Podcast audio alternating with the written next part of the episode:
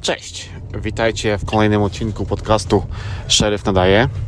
E, w poprzednim odcinku mówiłem o moim wyjeździe do Polski i moich wrażeniach i jedna rzecz e, mi umknęła, e, wypadła mi z pamięci, więc powiem o niej dzisiaj i połączę ją z pewną historią tutaj z mojej pracy, która, która miała miejsce no już parę lat temu, ale wiąże się trochę z tym, o czym będę mówił.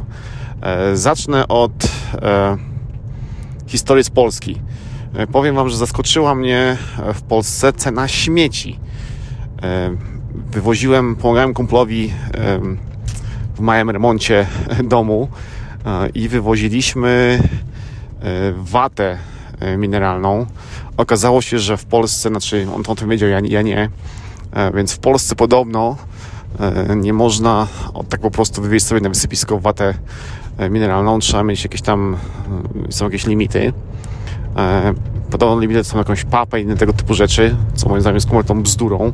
E, więc e, kumpel coś tam kombinował, były jakieś, nie wiem, kwity na sąsiada i tak dalej.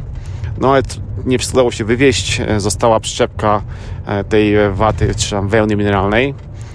Pojechaliśmy na Przok w naszym, w naszym mieście, w Zgierzu i po pierwsze, pani w okienku powiedziała, że płaci za kilogram.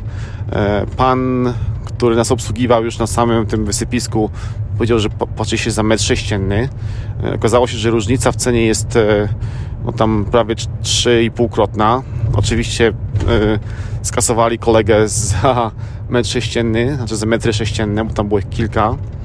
E, zapłacił za przyczepkę, która ważyła 90 kg, za watę, która ważyła 90 kg i miała około 4 m3 e, ponad 300 e, zł, co jest moim zdaniem jakąś kosmiczną ceną, ponieważ za podobną powiedzmy kubaturę śmieci budowlanych, jakieś tam właśnie waty mineralnej, tego typu rzeczy, bo kiedyś wywoziłem od siebie z domu, no zapłacę w, u mnie tutaj w mieście około 15, może 20 dolarów więc różnica cenowa po prostu kosmiczna. Nie dziwię się zupełnie, e, że znaczy nie dziwię się, dziwię się, ale oczywistym dla mnie jest to, że e, jakiś ziutek, który chce przyoszczędzić, e, zamiast wywieźć watę na czy jakieś inne śmieci budowlane na wysypisko czy na przok, no to wywozi je do lasu. Więc, no nie wiem, te ceny po prostu mnie szokowały.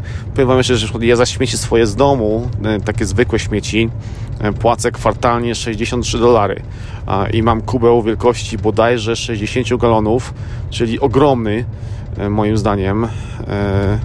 Nie sortujemy śmieci, ponieważ robi dla nas już wysypisko bo u nas na tym, że śmieci są wywożone do takiej sortowni, tam je sortują i dopiero potem są wywalane albo na wysypisko, albo e, no dalej jadą gdzieś tam być e, przetwarzane e, czy recyklingowane.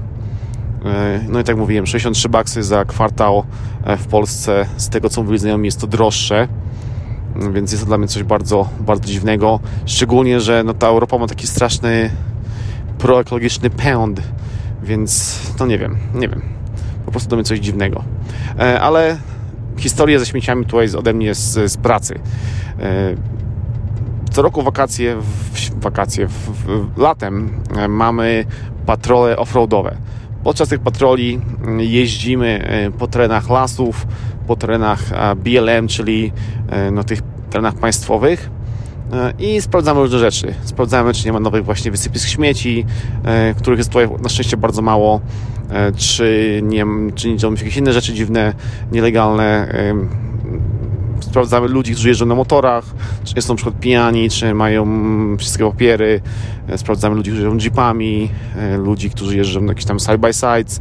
Po prostu gadamy sobie z nimi, sprawdzając, czy mają rejestrację i tego typu rzeczy.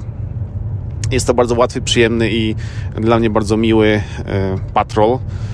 Bardzo lubię to robić, bo no, lubię off-road, więc no, taka, takie przyjemne z pożytecznym. E, za te patrole płaci nie nasze hrabstwo, nie nasze biuro szeryfa, tylko płaci właśnie, co właśnie albo lasy państwowe, albo BLM, czyli ten Bureau of Land Management, e, czyli to biuro zarządzające no, mm, gruntami publicznymi. E, I zależnie od tego, kto płaci, jeździmy w dane miejsca. Takie patrole trwają 8 do 10 godzin dziennie, są kilka razy w tygodniu, to są nadgodziny dla nas, jest naprawdę spoko, spoko, można sobie spędzić czas na, na nadgodzinach, bo tam nie ma jakiegoś wielkiej, wielkiej presji, nie trzeba jakoś tam się zbytnio powiedzmy angażować, wystarczy, żeby pojeździć, sprawdzić co się dzieje i, to w sumie wszystko. I powiem Wam, że e, pewnego dnia żartaliśmy z tego patrolu, zostało nam jeszcze półtorej godziny, więc stwierdziliśmy, że podjedziemy w takie miejsce tutaj przy mojej dzielnicy, gdzie dużo ludzi jeździ na motorach, gdzie dużo ludzi jeździ jeepami i innymi sprzętami terenowymi i tam e, no, po prostu pokażemy się, bo warto e, taką samą powiedzmy samą prezencją, samą tym, że tam jesteśmy, tworzy taki klimat, że ludzie no, zachowują się troszkę lepiej. Więc pojechaliśmy tam z kumplem i na samym wjeździe za zakrętem e, stał sobie pan pick-upem i wyrzucał z pick-upa e, trawę, ścinki trawy. No więc podjechaliśmy do pana. Pan oczywiście dalej sobie te ścinki zrzucał, machnął do nas ręką, e, zadowolony z siebie. E, wysiedliśmy, zapytałem pana, co on robi. On mówi, że no, no wyrzuca ścinki y, z, z kosiarki. Mówię mu, ale czy on wie, że to są śmieci? Mówi, nie no, to są, to są ścinki z trawy, on tutaj niedaleko mieszka i przecież to nie są śmieci. Zapytałem się go, jak by wyglądało to, to miejsce, gdyby wszyscy z 25 tysięcy mieszkańców tej dzielnicy wywalali tutaj swoje ścinki trawy. Gościu, no nie wiem. Mówię, a wie pan, że jest środek lata, wywala pan te ścinki pod taki suchy krzak, tak zwanego sagebrush. E, wie pan, co, za, co, co się dzieje w takiej kubce y, ściętej trawy? No nie wiem. No zachodzą procesy gnilne. E, czy wie pan, co się dzieje, jak zachodzą takie procesy, gnilne e, w takiej trawie? No nie wiem. No powstaje temperatura. Wie pan, z czym to się wiąże? E, no nie wiem. No z tym, że, jest okres teraz pożarowy i, i taka, z takiej trawy, z takiej kubki trawy może powstać pożar. Bo takie rzeczy się tutaj działy. Gościu, o, mówię, no dobra, to akcja jest taka, że teraz pan tą trawkę z powrotem rzuci na swojego pick-upa. No dobra. No więc pan sobie spokojnie tą trawkę wrzucił. Powiedziałem mu, że mandacik za wywalaniem śmieci do, do lasu to jest 1100, a plus oczywiście mandacik za tworzenie e, powiedzmy zagrożenia pożarowego kolejne ileś tam set dolarów. Pan spoko, spoko, e, wszystko posprzątał. Jak już skończył sprzątanie, e, podszedłem do niego, zapiąłem go w kajdanki i zabrałem go do, do aresztu, bo no, bardzo mnie wkurzają ludzie, którzy właśnie takie śmieci wywalają do lasu. Oprócz tego, że dostał mandat za zaśmiecanie, dostał mandat za tworzenie zagrożenia pożarowego, to jeszcze jego auto odholowaliśmy na parking strzeżony, e, co kosztowało kolejne tam chyba 6,5 stówy. Więc mam nadzieję, że Pan zrozumiał, e, że śmieci się nie wywala e, do lasu mimo tego, że u nas no, tak, takie, taka powiedzmy taka ciężarówka, taki pick-up trawy, ponieważ to są takie śmieci to zwane zielone, kosztowałaby jakieś kompletne grosze, nie wiem, kilka dolarów, zamiast pojechać na wysypisko, które jest dosłownie 10, 10 minut jazdy od naszego, naszej dzielnicy, to on pojechał 3 minuty za, za róg i zaczął to wywalać centralnie e, pod krzaki. Więc mam nadzieję, że dotarło do jego pustego łba, e, że takie rzeczy nie robi tak mówiłem, nie mam cierpliwości do gości, którzy e, syfią mm, nam za płotem, syfią nam w miejscu, w którym, z którego my wszyscy mieszkańcy korzystamy. To jest kompletny debilizm.